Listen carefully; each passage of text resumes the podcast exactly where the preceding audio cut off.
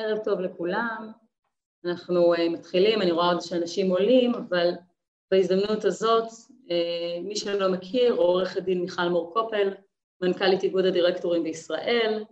Uh, קודם כל ברוכים הבאים למפגש במסגרת סדרת המפגשים זכלינסקי מארח. זכלינסקי מארח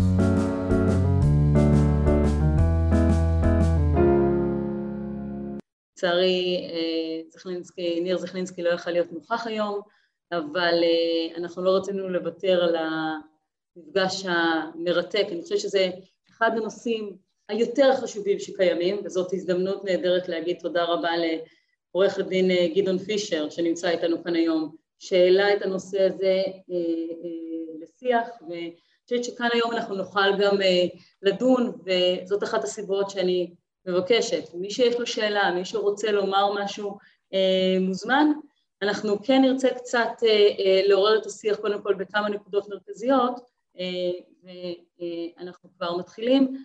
הנושא בכלל של, של המפגש היום זה עקרון תום הלב מהמשפט לעסקים כדי לא להגיע לפלילי. מה אנחנו צריכים למעשה לעשות על מנת להבין את הסוגיה הזו של, של עקרון תום הלב, כדי לבוא ו... אה, אה, לקדם ולהוביל אה, את העסקים. אז אה, באמת אחת לשבועיים התחלנו לקיים לכם מפגשים של זכלינסקי מארח בשיתוף פעולה עם איגוד הדירקטורים בישראל כי אנחנו רואים את החשיבות של לקחת נושאים מובילים עסקיים, להביא מובילי דעה ולדבר על זה, גם להביא מהפרקטיקה בנושאים המגוונים האלה והנושא של היום הבאנו באמת את מיטב המומחים בתחום, כדי לצאת קצת פרספקטיבה על מהו אותו עקרון תום הלב, מהו אותו צדק שמחפשים, איך זה בא לידי ביטוי בזירה העסקית, אה, ואני יכולה לומר לכם שבעולמם של הדירקטורים, גם בתי המשפט, אבל גם הפרקטיקה הנוהגת, מאוד מאוד מתייחסים לעקרון תום הלב, ונותנים לו מדרגים שונים, ואנחנו נדבר על זה היום, אנחנו נדבר על דיני החוזים, איך הם מסתכלים על זה, כאדם לאדם, ומה מצפים מהדירקטור כאדם לאדם מלאך, ואנחנו ננסה להבין באמת מטובי המומחים שנמצאים איתנו, ואני רוצה רק להציג, כי באמת עלתה כאן אה, אה, אה, בצ'אט, מי נמצא איתנו היום, אה, אז אה, אני אה, מתכבדת להציג את, ה, את המומחים שלנו הערב, עורך הדין גדעון פישר, מייסד פירמת עורכי הדין בנוטריון אה, גדעון פישר ושות', גדעון, יש לך ניסיון עשיר מאוד, גם בעולמות של יישוב סכסוכים, בוררויות, הקמת והובלת באקדמיות שונות את הנושא הזה, אתה מגיע גם כנשיא אגודת בוגרי אה, אוניברסיטת קמברידג', אתה דוקטורנט בבוררויות, ואני אשמח שתיתן לנו גם קצת מה, מהעולמות האלה, את האספקטים הללו. נמצא איתנו היום עורך הדין אוריאל נין, אה, נשיא לשכות המסחר אה, תל אביב והמרכז, נשיא בכלל לשכות המסחר, היה אה, חבר כנסת, כיהן בתפקידים ציבוריים רבים מאוד, יושב ראש ועדת חוקה ודווקא ממך אוריאל היום נרצה להבין גם את הצד הרגולטורי הזה ומה מצפים בצדק, אני כבר אה, מחכה לשמוע את דבריך. נמצא איתנו כבוד השופט בדימוס אה, גדעון גינת, נשיא בית המשפט המחוזי בתל אביב, סליחה סגן נשיא בית המשפט, שגדעון אני אשמח לשמוע ממך גם איך בתי המשפט מתייחסים לאספקטים האלה. היום זה אומנם בווירטואלי, אבל אני אשמח גם בהזדמנות לשמוע בפרונטלי.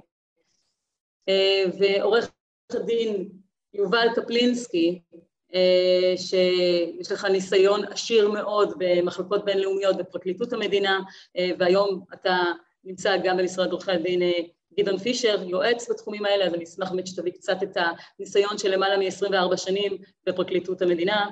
ובזירה הבינלאומית. אז באמת, אם נתחיל אה, אה, קצת לדון על הנושא, אני ארצה להבין אה, יותר מלמעלה, גדעון, ואני אשמח להתחיל איתך, על עקרון תום הלב, סוגיה כל כך אה, מורכבת, איך אנחנו יכולים לפשט את זה, אה, מה, מה, זה, מה, מה קורה עם, עם אותו עיקרון, מה הופך אותו לכזה מורכב? תודה רבה מיכל. אז קודם כל תודה רבה ומילה בשבחי האכסניה אה, ומילה לזכלינסקי שאומנם לא איתנו אבל אנחנו מכאן שולחים תנחומים למשפחה, אה, הבנו שהוא נקרא ללוויה אז אנחנו שולחים מכאן תנחומים, ותודה רבה לך מיכל, תודה לך סניה, ו, וכל הכבוד לכך שגם הנשיא לין, גם סגן הנשיא גינת וגם קמפינסקי פינו מהזמן כדי ללמד יחד איתי וללמד ביחד פה נושא שהוא כביכול מאוד פשוט, כמו שאת אומרת, תום לב. כולנו מבינים מה זה תום לב, וכולנו מבינים שצריך להתנהג בתום לב. ואם כל כך מובן, למה צריך לבזבז עכשיו בערב אה, שעה יקרה בנושא? אז כנראה שזה לא כל כך מובן. איך אנחנו יודעים שזה לא מובן? יש למעלה מרבע מיליון פסקי דין במדינת ישראל, 256 אלף פסקי דין, רק בנושא של הבנת תום הלב, נכתבו למעלה מ-5,300 מאמרים מקצועיים על ידי מלומדים שמנסים ללמוד וללמד מהו תום לב.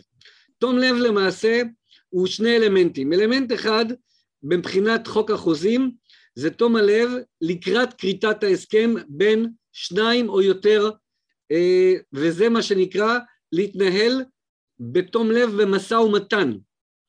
משנחתם ההסכם, אם וככל שנחתם ההסכם, יש תום לב אחר, זה קיום תום הלב לאחר שכבר נכרת ההסכם, אם הוא נכרת.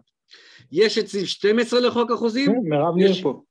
יש את סעיף 39 לחוק החוזים. תמונה של... מי שלא במיוט, שיכניס את עצמו בבקשה למיוט, אז זה יהיה יותר נוח לכולם. בעניין הזה, כמו שאני מלמד בקורסים של הבוררות, אה, בהכשרת הבוררים אה, בשיתוף אוניברסיטת בר אילן, ואני רואה שיש פה אה, מכובדים שבוגרי ההכשרת בוררים, אני רואה פה את טופל, את, את קלינה, את כפתורי, אז אתם יודעים מתוך הקורס הכשרת בוררים, שגם השופט גינת מלמד שם וגם הנשיא לין, ועוד מעט גם קפלינסקי ילמד שם, שם אנחנו מסבירים שתום לב זה אומר לנהוג בדרך מקובלת. מה זה לנהוג בדרך מקובלת? בדרך מקובלת בנסיבות הספציפיות.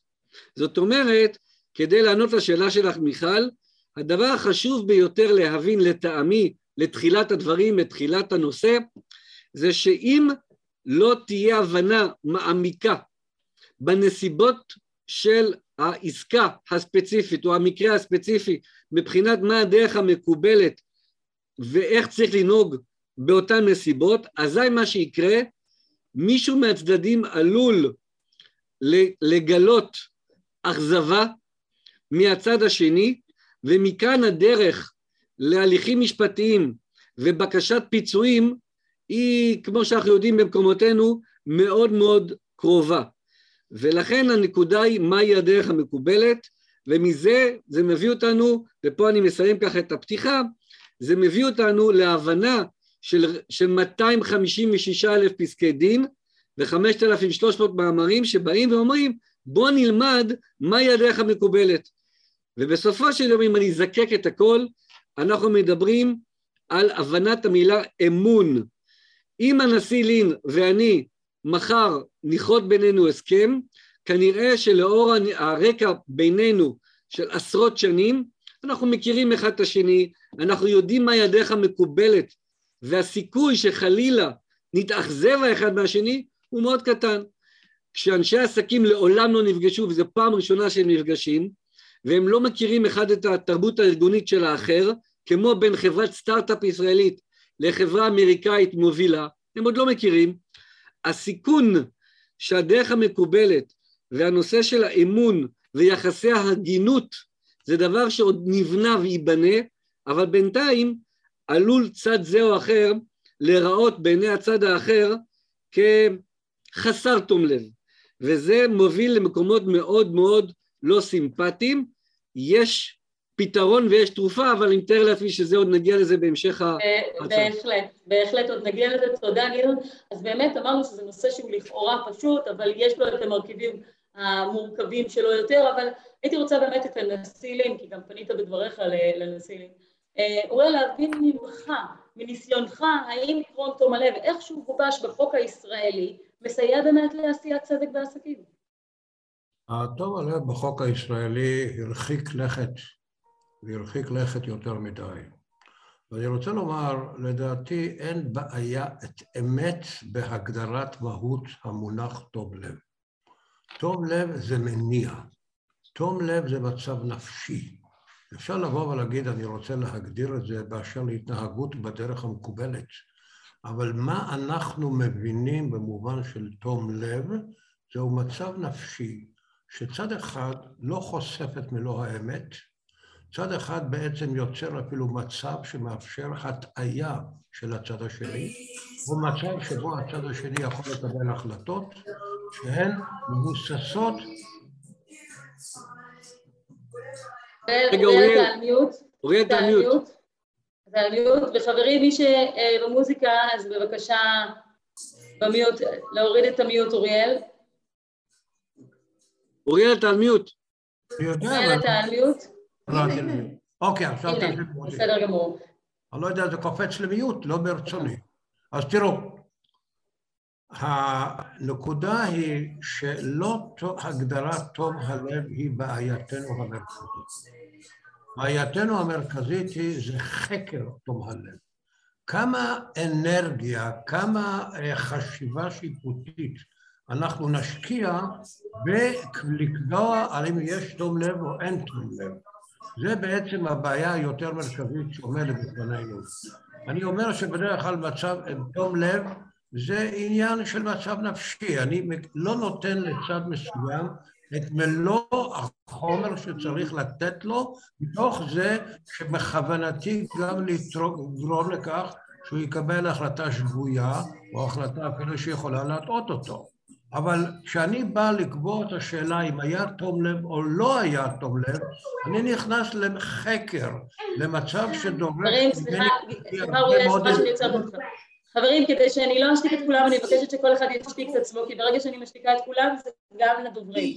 עכשיו, אני, אני אתן לכם רק, אני אתן לכם דוגמה מה זה לקחת את תום הלב ולהעביר אותו בעבודה שיפוטית למקום שאסור להעביר אותו. לדוגמה, לפני כמה זמן, שופטת מאוד נכבדה אמרה שצד שטוען לפגם בסדר הדין של הצד השני, והוא אכן היה פגם, והוא טוען, רגע, אני לא מוכן לקבל את זה שהצד השני יפגום בסדרי הדין, הוא צריך לנהוג על פי סדרי הדין. אז היא אומרת לו, לא נהגת בתום לב. מה זאת אומרת לא נהגת בתום לב? אני רוצה שהצד השני, אם יש סדרי דין, ינהג על פי הכללים המגובשים. אבל אני אומר, השאלה כאן מבחינה, בצורה שאני רואה את הבעיה הזו, זה לא רק בשאלה של הגדרת תום לב, אלא אותם אנרגיות, משאבים שאנחנו משקיעים בחקר של תום הלב, בקביעה האם היה תום לב או לא היה תום לב, והנקודה הזו היא באופן מיוחד באה לביטוי, ואני חושב שגדעון אמר כרגע את הבעיה, רבע מיליון פסקי דין שעוסקים בשאלה של תום לב, אז בואו נחשוב איזה אנרגיה אדירה מושקעת, והשאלה היא, האם אני ככה עושה צדק? ועושה צדק, אני מאיר מחדש אין משמעותו עושה צדק בין שני צדדים. עושה צדק משמעותו עושה צדק לכלל הציבור שנזקק להכרעות של בתי המשפט.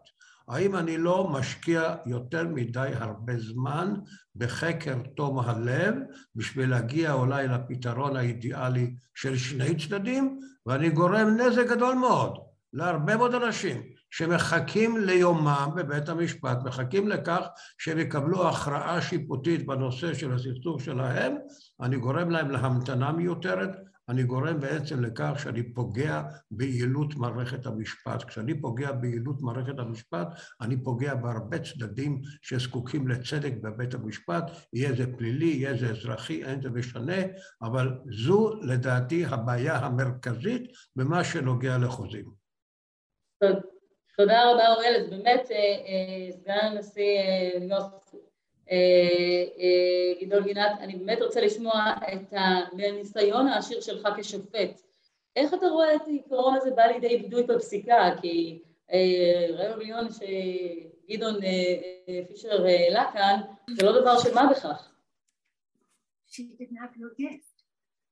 שלום לכולם, אני שמח... אני רגע אה, ברשותכם, רגע גדעון, אני שמה את כולם על מיוט בבקשה, ועכשיו אני מבקשת רק שהדוברים שמדברים, גדעון, אז אתה תוריד את עצמך מהמיוט. תודה. שלום לכולם, אני שמח uh, בתום לב uh, להיות במפגש הנוכחי, ואני חושב שהנקודה המרכזית שצריך להזכיר בכל דיון בנושא תום הלב, שמדובר בעיקרון שהוא חל לא רק בדיני חוזים, הוא חל בכל ענפי המשפט, במשפט האזרחי, במשפט המינהלי, בדיני משפחה, בדיני עבודה, בכל תחום. אה, עיקרון טוב הלב הוא עיקרון על, שבתי המשפט במקרה מתאים ייקחו אותו בחשבון וייתנו לו חשיבות עליונה. אז החשיבות של עקרון טוב הלב הוא לא רק בחוק החוזים שמגדיר את תום הלב בסעיפים 12א ו-39 ו-61ב, אלא לעיקרון תום הלב יש חשיבות עליונה ורואים אותו כעיקרון על-חוקי בכל תחומי המשפט בלי יוצא מן הכלל. ובזמנו הייתה הצעה לחוקק אה, קודקס אזרחי במדינת ישראל, ושם אה, אה, קבעו כעקרון היסוד הראשון של החקיקה בשימוש בזכות, בביצוע פעולה משפטית ובקיום חיוב, יש לנהוג בתום לב. והדבר הזה בא לידי ביטוי בכל תחומי המשפט, כולל כמובן בכל מה שקשור לביקורת שיפוטית בדיני חברות ולפעילות של אה, דירקטורים אה, בתחום הזה. ולכן לא צריך לראות את עקרון תום הלב אה, בתור חלק מדיני החוזים. וכמו שאני אמרתי, גם לא צריך לראות אותו רק כעיקרון על בתחום המשפט האזרחי, אלא עקרון תום הלב חל גם בתחום המשפט המינהלי. ואני יכול לתת דוגמה מבריטניה, שבעקבות המשפט המקובל שלה אנחנו הולכים, היה אה, אה, לפני קצת למעלה משנה, היה פסק דין של, שהגיע בסופו של דבר לבית המשפט העליון של הממלכה המאוחדת, שדן בשאלה האם אפשר להשעות או להשהות את פעילותו של הפרלמנט. אה, יושב ראש אה, אה, בית המחוקקים, בהסתמך על בקשה של ראש הממשלה, החליט להוציא את הפרלמנט לחופשה של מספר ימים מעבר לחופשה שמקובלת. ובתי המשפט, מהערכאה הראשונה ועד הערכאה האחרונה, התערבו ואמרו, לא, זה בלתי אפשרי, זה מנוגד לעקרונות יסוד של השיטה המשפטית שלנו, בין השאר הסתמכו על עקרון תום הלב. ואם אנחנו מסתכלים על uh, חקיקה, uh, גם ב, במדינה כמו uh, בריטניה, גם בארצות הברית, אבל גם בכל, uh, או במרבית המדינות של האיחוד האירופי, יש, ניתן ביטוי לעיקרון תום הלב בכל תחומי המשפט. כמו שאני ציינתי לפני כן, וזה כלי חשוב וחזק מאוד שנמסר בידי בית משפט, ואפשר לעשות בשימוש בכל המקרים המתאימים. גדעון, לך ו... יש ניסיון, אה, סליחה שאני כן, כן. לך יש ניסיון בכל הנושא של דגש על סכסוכים מסחריים, מורכבים, אה, אה, דווקא בנושאים המסחריים העסקיים, איפה זה בא לידי ביטוי, איזה שהן תובנות באמת שיש מהשטח, משהו שבתי המשפט פועלים לאורם בנושא הזה? אז קודם כל, אני מבקש בכל הכבוד הראוי להסתייג מההערה של הנשיא לין, כאילו הסתמכות על עקרון תום הלב פוגע מעריך את הדיון המשפטי או, או, או גורם לעומס יתר בבתי המשפט, אין קשר בין הנפקות של עקרון העל של תום לב בכל תחומי המשפט לעובדה שיש עומס או שיש אצל שופט פלוני או אלמוני מספר רב של תיקים שממתינים למתן החלטה. אין קשר בין שני הדברים. החשיבות של עקרון תום הלב, שהוא נותן uh, כלי יעיל וטוב, גם בידי המערכת השיפוטית וכמובן בידי עורכי דין או בכל מי שנזקק לעיקרון הזה, והוא חל, כמו שאני אמרתי, גם בדיני משפחה, גם בדיני עבודה, בכל תחום. כשאנחנו רואים במקרה ספציפי שנעשה עוול לאחד הצדדים, בית המשפט יתערב. כאשר uh, מוגשת בקשה שלא uh, בתום לב, uh, גם לפי תקנה ספציפית לתקנות סדר הדין האזרחי, בית המשפט יתערב. בית המשפט יכול להתערב גם אם הפעולה נעשתה לפי הלשון הכתובה של החוק או של דבר החקיקה במקרה ספציפי. זו לא השאלה. האם דירקטור פעל אה, בתרמית או לא פעל בתרמית, האם הוא יכול אה, לעיין במסמכים של חברה אף על פי שהוא גם בעל מניות ופעיל בחברה מתחרה, כל הנקודות האלה הן נקודות שצריכות להיות מוכרעות גם לפי עיקרון תום הלב, ויש לו עדיפות לעיקרון תום הלב לכל ההוראות הספציפיקות של דבר חקיקה או תקנה כזו או אחרת. זה הדבר העיקרי, לכך צריך לשים לב, ו, אה, וכך צריך לבחון את הראיות במקרה ספציפי. ויש אה, אה, מספר רב מאוד של אסמכתאות, כמו שאמר עורך דין גדעון פישר, שבדיוק עוסקות בנקודה הזאת, ומראות שבמקרה ספציפי בתי המשפט יתערבו כשהדבר נדרש מבחינת תום לב. וה... הערה הקודמת, ש, שלעיתים אנחנו לא יודעים מה פירוש הדבר תום לב, אנחנו יודעים. בנסיבות הספציפיות, אנחנו יודעים מה, האם ההתנהגות כזאת או אחרת נעשתה בתום לב, אם לאו.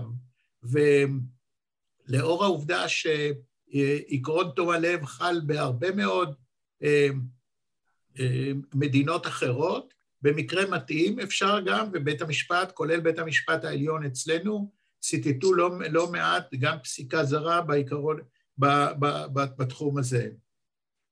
זהו, זה מה שאני יכול לומר uh, בתור הקדמה. תודה רבה. אז uh, עכשיו אני אשמח uh, באמת שעורך הדין יובל קפלינסקי, כמי שהיה למעלה מ-24 שנים בפרקליטות המדינה, הייתי רוצה להבין קצת את חובת תום הלב של רשויות המדינה. איך לדעתך חובת תום הלב באה לידי ביטוי בהתנהלות של המדינה? תודה מיכל, אה, תודה למשתתפים ולארגון שהזמנתם אותי. אה, המדינה אכן אה, יש לה חובות מוגברות בהשוואה לפרט בכל תחום, וזה גם בא לידי ביטוי בחובת תום הלב. אם לגבי הפרט כבר ראינו, את רמזת לזה מיכל, שדיברת על אדם על אדם אדם, אדם לאדם זאב, אדם לאדם מלאך. אתה כמעט אפשר אה, לסכם את התופעה הזאת, כי אם, אתה, אם לא תהיה זאב אתה עמדת בתנאי. זה בעצם מה שאמר הנשיא ברק, אה, אני יכול להוסיף לזה ציטוטים, אה, אני אביא, אולי אעשה איזה חוט מקשר בין, בין פרופסור מאוניברסיטת קורנל לבין האינסטלטור בדירה של אבא שלי. אמר רוברט סאמרס, פרופסור מקורנל, Some scholars contend that the term good faith operates as an excluder that is as a phrase without general meaning, אין משמעות למושג חוץ מאשר על דרך השלילה. It serves to exclude a wide range of heterogeneous forms of bad faith. כלומר זה בא בעצם לומר אל תהיה רמאי, אל תתנהג, ב... אל תהיה רע לב, כבר תעמוד בדרישה הזאת, זה מה, שאומר, מה שבעצם אומרים לפרט. כך גם אומרת התוכנית של חיים הכט שנקראת יצאת הצדיק. אנחנו שמחנו לשמוע שהאינסטלטור שלנו זכה בתואר צדיק. על שום מה ולמה הוא זכה בתואר צדיק, כי עשו לו מצלמה נסתרת אה, וסגרו את הברז, והוא בא ואמר לגברת, הברז שלך סגור, במקום לרמות אותה ולקחת ממנה 500 אה, שקל ולעשות את עצמו עובד. אז במקום לתת לו תואר, האיש הזה לא יצא רמאי, מה קוראים לו? בישראל יצאת צדיק. אז הפרט יכול לצאת צדיק ויכול להיות סתם לב, בפרט שהוא לא יוליך שולל, שלא ינקוט בדרכי תלמיד. המדינה אה, נדרש ממנה קצת יותר. אה, אה, גם במישור המקומי כרשות מול האזרח וגם, ולזה זכינו לחוות את זה הרבה במחלקה הבינלאומית בפרקליטות, גם כאשר המדינה מתייצגת מול מדינות העולם. וכאן אני אתן דוגמה וכדי שתמחיש את העניין במקום להרחיב יותר מדי. אם אנחנו ביקשנו כפרקליטות לסייע להנהלת בתי הדין הרבניים. יש שם יחידה, יחידת מוסד בהנהלת בתי הדין הרבניים לא מוכרת, עובדת אה, די במחשכים, מתחת לרדאר, ללכוד סרבני גט שנמלטו לחו"ל. ומשאירים נשים עגונות בישראל, ואנחנו סייענו להם לאתר את אותם אנשים, וכשיכולנו פעלנו להסגרתם. מה, מה, מה הבעיה? מה המכשול? שאי אפשר לבקש מאף מדינה על תסגירו את פלוני בגלל שהוא לא נותן גט לאשתו. אנחנו צריכים עבירה פלילית, ולפעמים היו, לפעמים הבן אדם שסרב לתת גט גם לפני שמונה שנים נתן מכות לילדים, ו... אה, או איים על אשתו, אה, או עשה איזושהי עבירה קלה אחרת, בהרבה מקרים זה עבירות קלות, ואנחנו נתלים בעבירות האלה ומבקשים את ההסגרה של האנשים האלה בגלל אותן עבירות קלות. עכשיו אנחנו יכולים להפעיל את האמנת ההסגרה ולומר למדינה המתבקשת, תסגירו, אבל אנחנו צריכים להיות רגישים לניואנסים. הם ירימו גבה, מה פתאום ישראל מבקשת הסגרה על פליק מלפני שמונה שנים, אנחנו לא רגילים לראות בקשות כאלה, אנחנו אומרים להם בשקיפות, יש פה מניע נוסף לבקשה, יש פה אג'נדה אחרת, נוספת, שהיא לא באמנת ההסגרה בינינו והיא לא בבקשה הפורמלית, אבל דעו לכם, אנחנו נגיד להם את זה בשיחה בעל פה ונגיד להם את זה גם בהתכתבות א-פורמלית אה, ופורמלית בינינו. יש פה מוטיבציה נוספת שמוסיפה חשיבות למהלך הזה. לא נתחרט שנהיה שקופים כי אה, המדינה יודעת, כאשר היא בערוץ בין מדינתי, אה, הבסיס בערוץ הזה זה הדדיות, מה ששנוא עליך אל תעשה לחבריך, לא רק בגלל שזה לא מוסרי, אלא בגלל שאתה לא רוצה שזה יחזור אליך כמו בומרנג, אתה רוצה להיות במשפחת העמים אה, שותף, partner אה, נאמן. אז המדינה אה, כמדינה, החובות שלה חובות מוגברות, גם מול פרט שאין לו חובות מוגברות כלפיהם. מאוד... להרחיב קצת במישור הבינלאומי. כן. מיכל מבקש להגיב על דבריו של סגן הנשיא, אני חושב שהוא לא הבין אותי, אז כשיתאפשר אני רוצה להגיב על הערתו באשר למה שאני אמרתי, שלא נשכח זאת, תודה רבה לך. אין בעיה, רק יובל, אם תוכל להתייחס בגדעון, אני ראיתי, כן. אני רציתי, אה, לא אה, הערה אחת, ש... עם תחילת אה, משבר הקורונה, אה, לשכת עורכי הדין פרסמה אה, חוות דעת מאוד ארוכה ומפורטת ההש... בקשר לכל ההשלכות של המשבר הבלתי צפוי של המגפה, וחוות הדעת הזאת כוללת גם דיון בשאלה של עקרון תום הלב ככלי להתאמת חוזה לנסיבות המשתנות. זאת אומרת, עקרון תום הלב משמש למשל בסיס לאפשרות לשינוי אה, או התאמה של חוזה ספציפי לנסיבות שהשתנו באופן פתאומי כתוצאה מהמגפה הבלתי צפויה. ולמשל, אה, שמענו עכשיו שאוסטריה אה, מחייבת את כלל אזרחיה לקבל חיסון, גם כאן נעשה שימוש בעיקרון תום הלב כבסיס להטלת החובה הזאת אה, שאפשר אה, אה, להתנגד לה מסיבות כאלה ואחרות. על כל פנים, זה מה שאני אמרתי בראשית הדברים. עיקרון תום הלב חשוב מאוד, כי הוא נותן כלי גמיש שמאפשר לשופט להתערב במקרה המתאים. אני רוצה פה פשוט לתקן משהו בכך. תראו, אני אתן דוגמה פשוטה. אם יש לנו סדרי דין, וסדרי הדין מחייבים את הצדדים, וצד מסוים לא פעל על פי סדרי הדין, אני חושב שצד האחר יכול בהחלט לטעון הוא לא פעל על פי סדרי הדין. אי אפשר לפסול את טענתו ולומר לו לא פעלת בתום לב. בשביל מה יש לך סדרי דין? על מנת שהצדדים יפעלו על פיהם. כשאתה מתחיל להגיד, אני מאפשר להפר את סדרי הדין, משום שאני החלטתי שאולי הוא פעל שלא על פי תום לב, אתה תתחיל למוטט את כל המערכת הזו. אז אנחנו כל הזמן ניכנס כולנו לתוך התסבוכת הזו, האם אני פעלתי על פי סדרי הדין, תקפתי את הצד השני עם טוב לב או בלי טוב לב וכל הקשור בכך? סליחה, זה כבר יותר מדי, ואני חושב שחייב להיות סדר. כשהמחוקק קבע סדר מסוים של הדיון, יש לשמור על הסדר של הדיון. עכשיו אני רוצה להדגיש דבר פשוט. אין שום ספק, כפי שאמר סגן הנשיא קודם, מוטלת חובה לנהוג בתום לב. על זה אין ויכוח בכלל. ברור, מוטלת חובה לנהוג בתום לב בכל התחומים, בכל השטחים, לא רק בנושא החוזים. הבעיה מתעוררת במיוחד בדיני החוזים. למה? כי בדיני החוזים הצדדים הם שעשו את ההסכם. עכשיו צאו וחשבו, הצדדים מתרשלים בניסוח ההסכם, הם מתרשלים, הם מנסחים הסכם, הם לא מנסחים אותו כפי שצריך, הם לא מנסחים אותו בפרטות שמסביר לגמרי את כוונתם, ואז הקייס הזה מגיע לבית המשפט, ובית המשפט צריך להתחיל לעסוק זמן רב ולהקדיש זמן רב במציאת כוונת הצדדים, כשמי שגרם לבעיה זה הצדדים עצמם.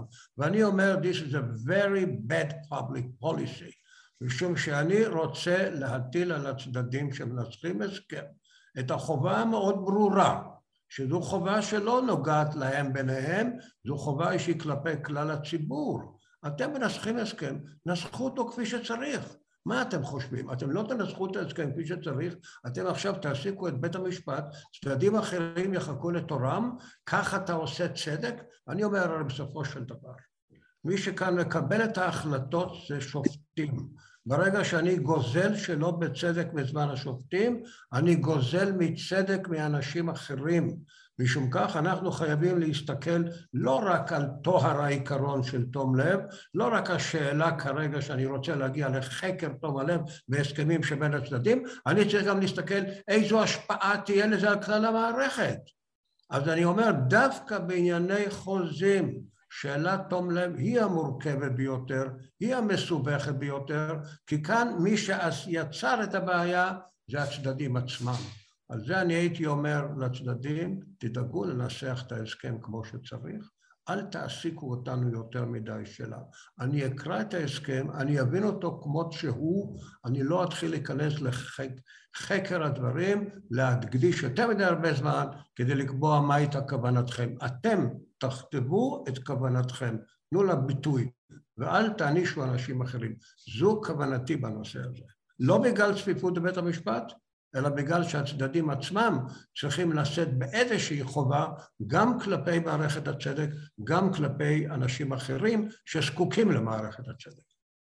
אני, אני, רוצה להשלים, אני רוצה להשלים, מיכל, ברשותך, נדבך נוסף שיקל על המשתתפים להבין האם הם בחשיפה לתביעה נגדם בגין הפרת תום לב, האם הם בחשיפה להשלם פיצויים כפי ששופט או בורר אה, או מגשר ימליץ על תשלום פיצויים, איך הם יודעים, איך אדם יודע כשהוא, כשהוא מנהל את עסקיו ומנהל את ענייניו, האם כן או לא הוא בחשיפה ומהי החשיפה. ש... ל, ל, הרי הדת נותנת שכולם רוצים להימנע אה, מהחשיפה הזאת. ופה הדבר המעניין, אמרת, ציינת העובדה שאני נשיא אה, בוגרי קיימברידג' בישראל, אז באמת כשלמדתי בקיימברידג' השיעור הראשון במשפט אדמיניסטרטיבי, במשפט מנהלי, זכיתי שהפרופסור בא ושאל אותנו בשיעור הראשון, As anybody understand the notion בונה פידה? מה זה בונה פידה? וכולנו אמרנו כן, כי היינו בתואר הראשון, וכביכול כל אחד יודע מה זה בונה פידה. בונה פידה בלטינית זה תום לב בעברית. לימים אה, למדתי, חקרתי קצת בתוך הנושא הזה, וראיתי גם אה, בכנסת, איפה שהנשיא לין היה יושב ראש ועדות מכובדות, היה פעם יושב ראש ועדת כספים מיתולוגי בשם אברהם שפירא, הרב שפירא. באמצע שנות ה-80 נשאלה שאלה מהי ריבית בתום לב, כשבאים וקובעים ריביות בעסקים. אז אם המדינה צריכה לאשר ריבית מסוימת כריבית בונה פידה, דבר אחד.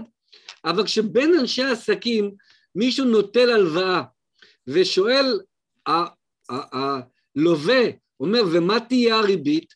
אז הוא אומר לו, אני נותן לך ריבית בונה פידה, ריבית בתום לב. מהי ריבית בתום לב? וזו שאלה מעניינת. כמספר הנשאלים, מספר התשובות. כי אצל אחד, פריים מינוס זה תם לב, אצל השני גם חמישה עשר אחוז בהתאם לנסיבות זה תום לב, אחד שלושה אחוז, חמישה אחוז, אין גבול למספר האנשים והנסיבות, ומה אני רוצה לומר בעניין הזה? מכיוון, אבל גדעון, אתה יכול להרחיק לכת, סלח לי שאני מתערב. אתה יכול עכשיו להעביר את זה למכירת דירה. אני מוכר דירה ב-15 מיליון, האם מכרתי אותה בתום לב? זה אותו דבר כמו ריבית. אני משית הוצאה על הקונה. מה גובה ההוצאה שאני משית עליו? אני אבוא ואגיד, תשמע, דרשתי 15 מיליון, זה לא בתום לב. גם אני יכול לבוא לקחת את זה גם לכאן. אז- ואני בא ואומר מה שפחות או יותר, שאם אנחנו לא מציבים גבולות לנושא עקרון תום הלב ברמת סבירות נכונה, אוי ואבוי לנו. אז רגע, אז הלב יכול אה, לחסל. סליחה חברים, אני פשוט רואה את אני- כבוד השופט, אני פשוט רואה את כבוד השופט גדעון גינת, מקשיב לכם אה, אה, אה, קשב רב, ועדיין רוצה להגיב, כי הרבה זה גם, אני חושבת, גם הפרקטיקה הנוהגת, וגם לראות מה, מה, מה, מה, מה, מה קורה בסביבה באותה עת. מה קורה באותו אז- עידן? אם ניקח לצורך העניין את העידן הווירטואלי הדיגיטלי, שבו אנו חיים היום, אולי גם פה צריך לראות איך בא לידי ביטוי השבירה על עקרון תום הלב, זאת אומרת, יש כל מיני סגמנטים שאנחנו צריכים להתייחס אליהם. הלוחם, כבודו? כן, אה, אני חושב שצריך לברך על קיומו של עקרון תום הלב בכל תחומי המשפט כעקרון על. והשאלה, האם במקרה ספציפי צד אחד או שני הצדדים יתנהגו בתום לב אם לאו, היא שאלה שטעונה בנסיבות ובעובדות הספציפיות המובאות בפני בית המשפט, כמו בכל מקרה אחר. ובקשר להערה של אה, הנשיא לין, יש לי פה אה, פסק דין שנתן השופט גלעד הס ב- ב- רק לפני אה, ארבעה ימים בבית משפט השלום בהרצליה, ושם הוא, הוא מחק תביעה שהוגשה לפי כל כללי סדר הדין, התקנות סדר הדין האזרחי, בגלל התנהגות שלא בתום לב של מי שהגיש את אותה תביעה. בסדר גמור, לפי הנתונים העובדתיים שהוא מתאר ב- באותו עניין. מה שאני לא מבין את זה, אני אומר לך את האמת, אה, אני לא מבין את. זה, אולי תסביר את זה, מה זאת אומרת הגיש תביעה שלא בתום לב? או שיש בסיס לתביעה או שאין בסיס לתביעה. אם יש בסיס לתביעה, איך נכנס פה מרכיב תום הלב בכלל? הוא, הוא, הוא נכנס כי, כי זה אה, עיקרון על של מערכת המשפט בכל התחומים, ואם כבר הוגשו, אה, במקרה הספציפי, אני לא רוצה להיכנס לכל העובדות, אם אה, הוגשו כבר אה, תביעות דומות בבית משפט שלום בכפר סבא, אז ובמקום לתקן את אותה תביעה שהייתה בכפר סבא, הגישו תביעה נוספת בבית משפט שלום אחר, אף על פי שהתביעה הזאת בבית משפט השלום האחר הוגשה לפי התקנות שהנשיא לין מעריץ, אה, השופט אה, מחק אותה, ולפי דעתי מחק אותה בצדק. ו- אבל גונן, רגע אחד, סלח לי, מה זאת אומרת? הייתה עילת תביעה? אני לא רוצה? להסביר, ברשותך, ברשותכם, אני גומר מיד. אם הייתה עילת תביעה, אז יש עילת תביעה. אם אין עילת תביעה, הוא לא חורג מסמכותו, השופט. הוא קובע שאלה. לאדם חיים אני רוצה להסביר, אני אסביר רגע דוגמה שהצופים יהיה להם קל להתחבר אליה. מכיוון שתום שואלים לב, פה באמת דוגמאות לתת, ואם אפשר... כן, כן, אני הדין. דוגמה, אני אתן דוגמה. אני רוצה לתת דוגמה מאוד מאוד פשטנית, מאוד פשטנית, אבל קל להבין אותה לדעתי. מכיוון שתום לב זה אלמנט קוגנטי, לא דיספוזיטיבי. אנשי העסקים ב- בישראל לא רשאים לקום בבוקר ולומר, בוא ננהל את העסקים שלנו בהסכמה בחוסר תום לב. גם אם יגידו כך, תום הלב עדיין יחול, כי זה קוגנטי, זה לא דיספוזיטיבי. מה רוצה לומר? תדמיינו לכם מצב שבו מיכל רוצה לקנות את הרכב שלי, והיא שואלת אותי, עורך דין גדעון פישר היקר, מוכן למכור לי את הרכב? ראיתי אותו עכשיו בחניה, אני אומר לה, בוודאי. תגיד, אתה מוכן להגיד לי, האם הוא עבר תאונות? הנה תשובתי. תקשיבו לתשובתי. מיכל היקרה, קחי אותו בבקשה למוסך, אני לא מוכן שתקני אותו, אלא אם הוא היה במוסך, תבדקי, תחזרי אחרי זה אם את רוצה לקנות או לא. הלכה למוסך, המוסך התרשל, לא עלה על העניין שהרכב עבר תאונה קשה שלא נדע מצרות, שסי פגום וכו', קטסטרופה. גדעון, אתה פגעת בתום הלב בזה שלא אמרת לה... או, עכשיו יש פה עניין. עבר תאונות. רגע, רגע, רגע, לא רגע, צריכים למוסך. רגע, רגע, שנייה, שנייה. גדעון, הוא נורא קליר קאט. רגע, שנייה אחת, שנייה אחת, שנייה אחת. שנייה.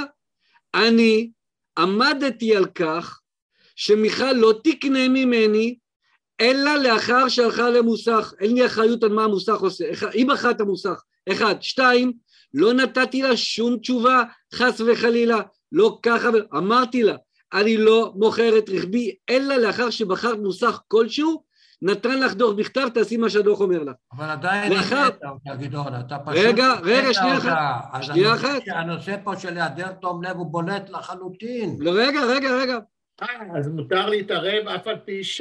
זה מגיע לשופט גינת. זה מגיע לשופט גינת, והשופט גינת רואה, שומע, יש יהודי נורמטיבי, עמד על כך שהוא לא רוצה להתחיל להגיד הייתה תאונה קטנה, לא קטנה, גדולה, אחת, לא יודע. גברת, קחי, ואז מה קרה? מתברר שיש פה סוגיה מאוד מעניינת. האם לפי חובת תום לב, אדם יכול לבוא ולומר, "אה, אני לא רוצה לדבר בשבחי או בכנות הנכס שלי, תצטיידי בשמאי מוסמך מומחה, ורק הוא יגיד לך כן או לא. האם בית משפט בעניין הזה אומר שהיה פה חוסר תום לב, עצם זה שלא פירטת מה שיכולת לפרט, מה שנשאלת. נכון? היא שאלה אותך, סליחה, היא שאלה אותך שאלה ספציפית. נכון? אם אתה שואל את השאלה הזו, המקרה הוא אחר, אבל היא שאלה אותך ואתה לא השבת לה תשובה כנה. התשובה הייתה, אני עומד על כך שמי שיקנה רק לאחר בדיקה במוסמך מורשה התחמקות. שאת בוחרת אותו. זו זה התחמקות. זה לא מענה לשאלה, גדעון. אבל החיים הם כאלה, הייתה שאלה של כן ולא. את יודעת, בבית השאלה אם המשפט, הסתרת אומר מידע, השאלה הנשאלת זה האם הסתרת מידע, אם היית אומר כן, אבל את מידת הנזק לכי תבדקי במוסך, זה סיפור אחר, וזה לא, אני אומרת, זה פה בצ'אט גם אה, כותבים. ולכן, כמו שאדם הסוגיה. של תום הלב היא באמת, היא, לא לחלוטין אמורפית אבל, כי יש את אה, אה, את ה-common sense, אני חושבת. את מבינה, מיכל, שהחיים הם כאלה, שגם אם היית אומר, למיטב הבנתי, הייתה בהחלט יותר מתונה אחת, מה וכל הפרטים, נא לכי למוסך. אבל אתה יודע שהייתה תאונה, תאונה רצינית מאוד, זה לא סתם תאונה. אתה יודע שהתאונה הזאת הפחיתה הדרך של הרכב באופן משמעותי. למה לא פירטת וציינת? מה אני רוצה לומר? גדעון, הקייס שאתה נתת, הוא היה יכול להיות יותר רלוונטי אם היא לא הייתה שואלת אותך את השאלה אם עברת תאונות או לא. אם הוא בא לקנות את הרכב, אתה אומר לה, קחי את הרכב, תלכי למוסך. אם מוצאת שם פגמים, אז הכל בסדר אז. אבל אם היא שואלת אותך שאלה ספציפית ואתה לא עונה עליה, ואתה מסתיר משהו שאתה יודע, אז בוודאי שיש פה היעדר. אז. בית המשפט, בית המשפט אומר במקרים האלה, מהי התזה המרכזית שלי בכל הנושא הזה, את- ואני- ועל זה אני אולי... אז אני רק רוצה להגיד לכם מה, ההבדל בין הברית לישראל. בבית המשפט בישראל, בסיטואציה הזאת, אדם שלא נתן גילוי נאות מאלף ועד תף כולל תף, הוא יעמוד למשפט על כך שהוא גרם נזק בחוסר תום לב. בארצות הברית הוא לא. למה לא? המושג תום לב בארצות הברית לא קיים. אין דבר כזה בארצות הברית תום לב. לא קיים. לכן אפשר לעשות כל מיני דברים כמו אה, אה, ניהול משא ומתן בתוך, לקראת הכריתת הסכם, תוך מתן מידע מטעה או כל מיני דברים כאלה. אין דבר כזה של תום לב, זה לא דבר שקיים בכלל בארצות הברית, זה דבר שהאמריקאים הוציאו מהלקסיקון שלהם.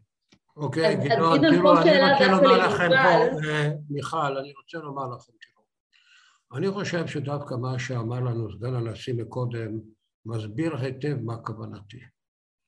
משום שאם יש עילת תביעה שמוגדרת בחוק, ובא ואומר שופט, אני דוחה אותך בהיעדר תום לב, השופט חרג מסמכותו, פשוטו כמשמעו.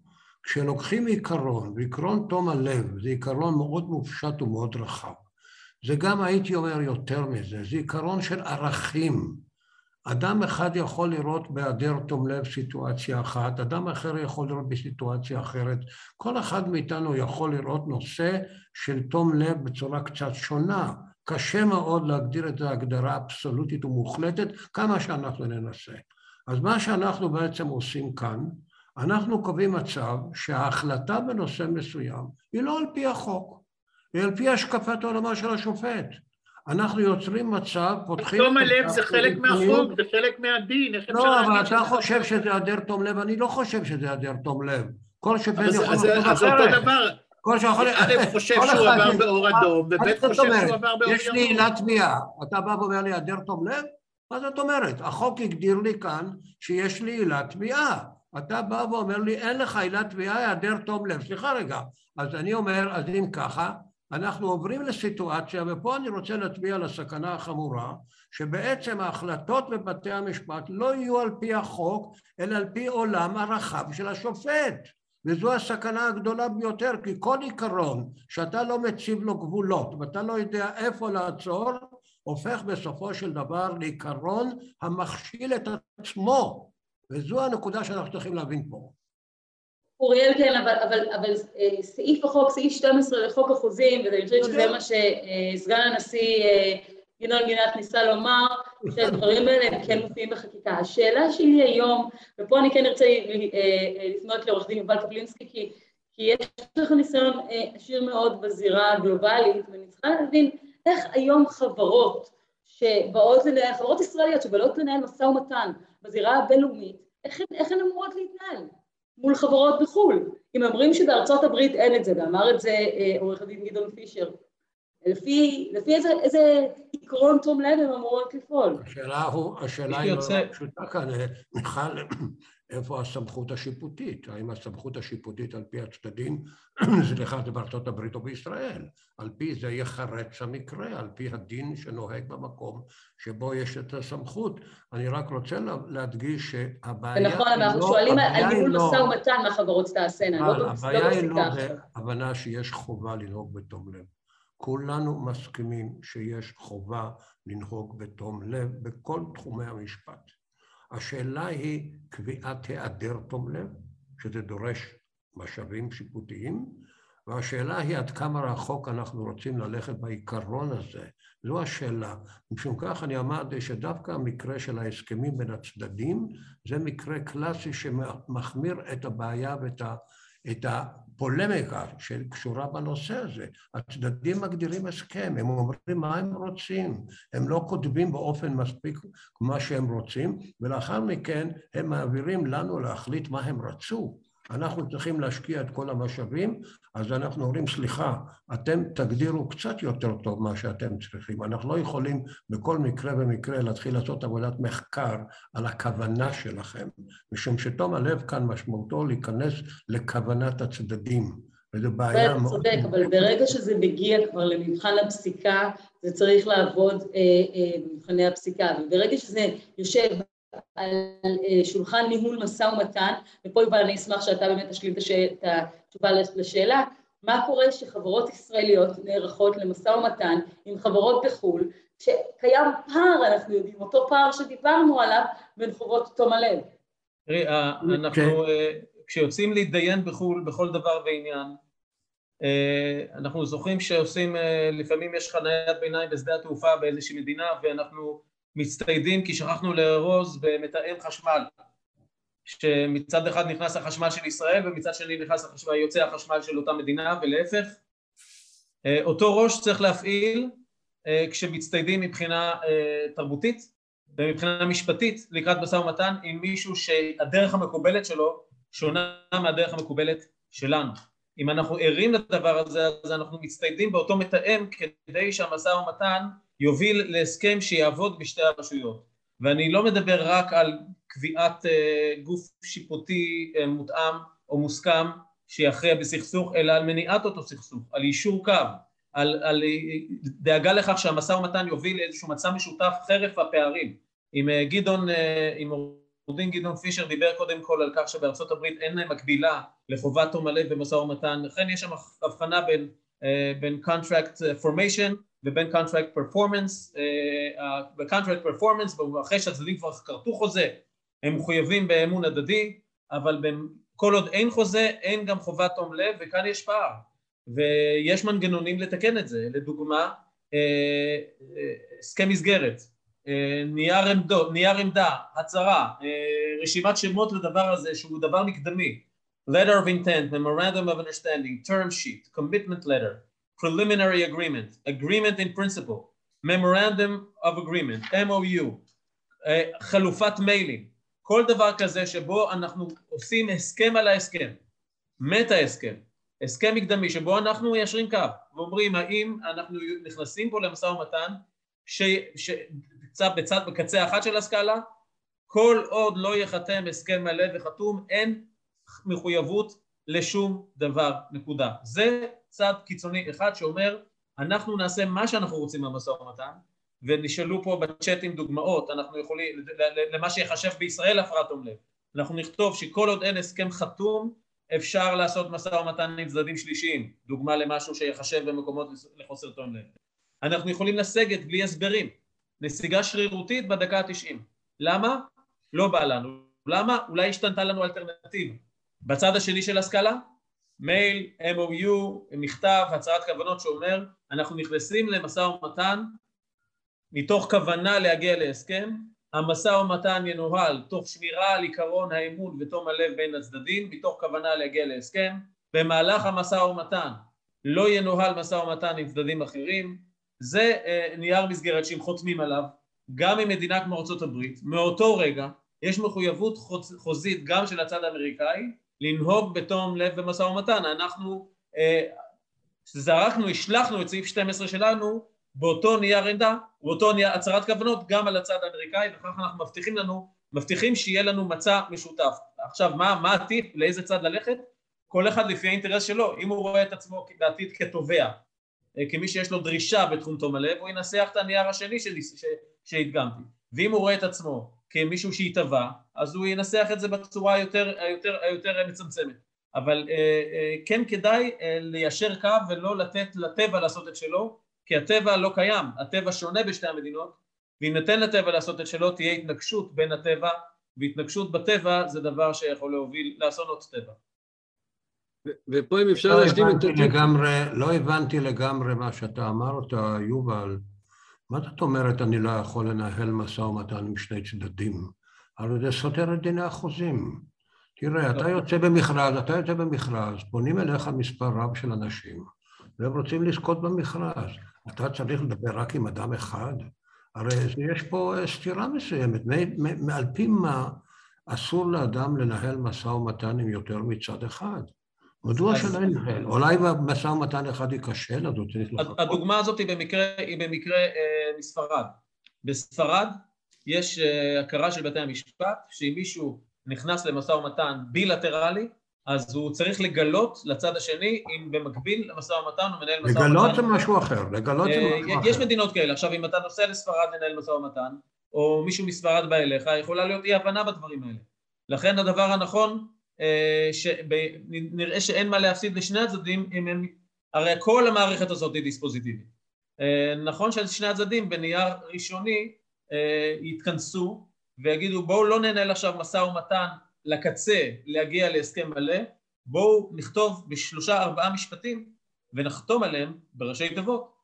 מה כוונתנו לעשות במשא ומתן, איזה מגבלות אנחנו שמים על עצמנו באופן מסוים, וכך ייווצר יישור קו. ברור. הייתי רוצה להציב שאלה דווקא לסגן הנשיא, שאולי כדי להבין יותר את דעתו.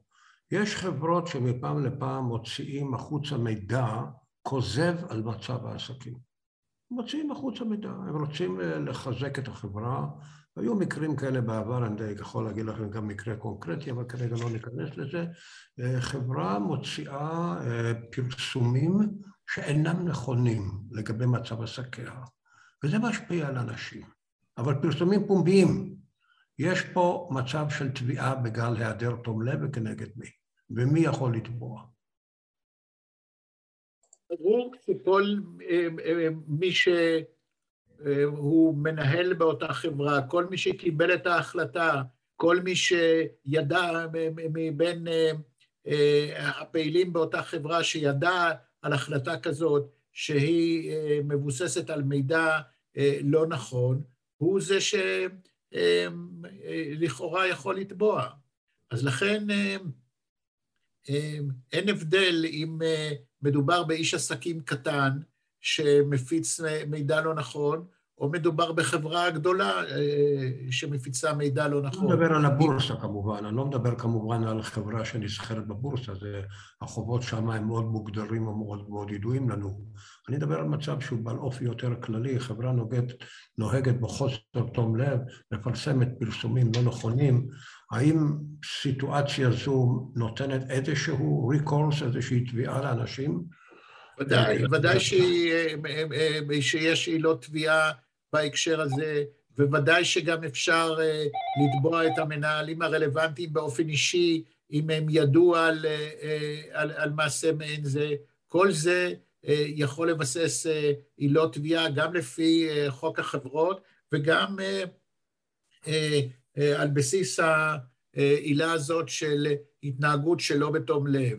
אבל אה, רציתי לומר עוד אה, הערה כללית, גם אה, בהקשר לנושא שדיבר עליו העורך דין יובל קפלינסקי.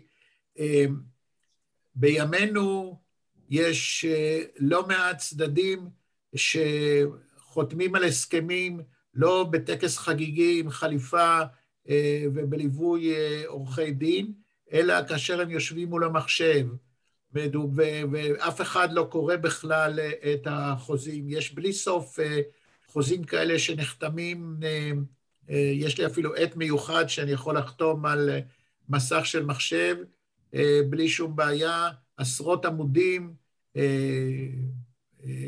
תיקי השקעות, ועוד בלי סוף מקרים כאלה של חברות ענק שעושות את זה, וגם חברות קטנות. ואני חושב במצב הזה, בזמנים המודרניים, יש, ב- כאשר אה, מצד אחד יש אה, אולי חוזה באופן פורמלי, אבל אה, ברור שאף אחד מהחותמים, אה, אה, למעט זה שניסח אותו, לא קרא אותו אה, אף פעם. אז אה, יש מאוד אה, חשיבות רבה מאוד לעיקרון טוב הלב, כאשר באים אה, במידת הצורך לתת פרשנות אה, למה שנעשה על ידי הצדדים. תודה רבה. אז באמת כדי לסכם, הייתי רוצה איזושהי אה, עצה, טיפ, אולי גדעון ממך קצת לבעלי עסקים אה, בישראל, איך אה, להיות יותר פעילים גם בעסקים בינלאומיים, מה, איך, איך המשפט יכול להיות יותר רלוונטי אצלם, או פחות רלוונטי. אז אני חושב, מיכל, שהתשובה לשאלה שלך וגם לשאלה של הנשיא לין נעוצה בביטוי שאנחנו, המשפטנים, אוהבים לומר אותו, ואנחנו מקבלים הרבה שכר טרחה כדי להסביר אותו, כי כל נסיבות שונות מהנסיבות האחרות. הביטוי הוא מהי ציפיית ההסתמכות הלגיטימית של הצדדים. יש ביטוי שנקרא ציפיית, ציפיית הסתמכות, מה, מה אני מורשה להסתמך על הצד השני, מה סביר שאני אסתמך. למשל לגבי השאלה של הנשיא לין, אם חברה מתרברבת, המנכ"ל, היושב ראש והנשיא, סמנכ"ל הכספים, כל הארבעה מתרברבים על ביצועים של חברה פרטית, והכל שקר וכזב, והם עושים את זה בג'קוזי, בינם לבין עצמם, עם שלושה חבר'ה שלא הוזמנו לשם, והסתמכו על זה, זו בעיה שלהם. ואותו דבר בקופה בסופרמרקט, הקופאית הסתמכה על זה, בעיה שלה.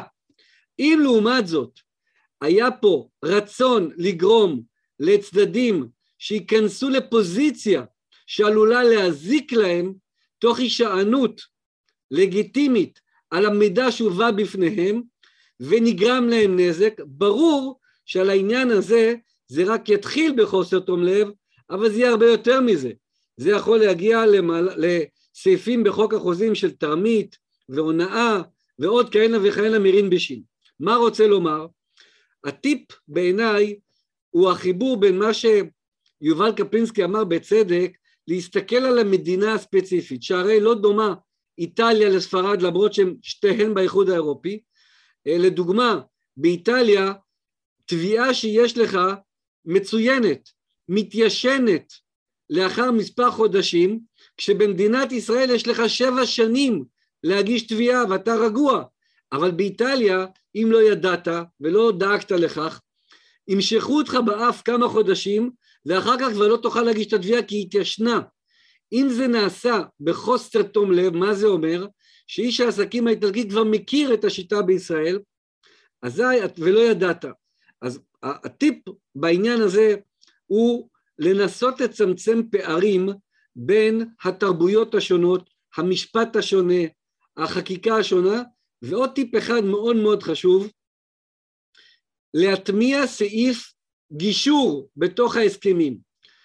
אם אתה מחייב מגשר לפני שפונים לבית משפט, זה אומר שלפני שמי מהצדדים המאוכזב או רוצה להיראות כמאוכזב ירוץ לבית המשפט, הוא מחויב לעצור רגע ולהפעיל את סעיף הגישור.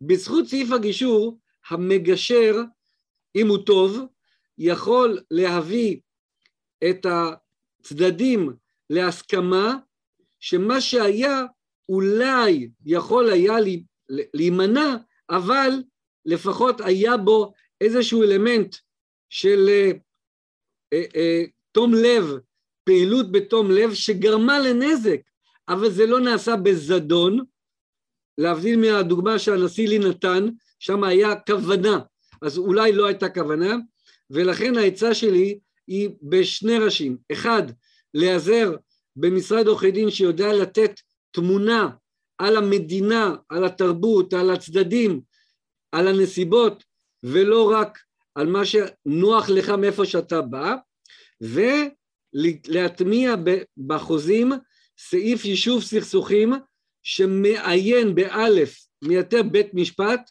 וקובע שבכל מחלוקת שבה הצדדים לא יכולים להגיע בינם לבין עצמם להבנות, וזה קורה, חייבים ללכת למגשר, ובהיעדר הסכמה גישורית, בהיעדר הצלחה להצעה מגשרת, להסתפק בבורר שיקבע ויכריע תוך זמן שהוסכם מראש, כל זאת כדי להימנע מלהיות 256,667 אה, פסקי דין בנושא של תום לב.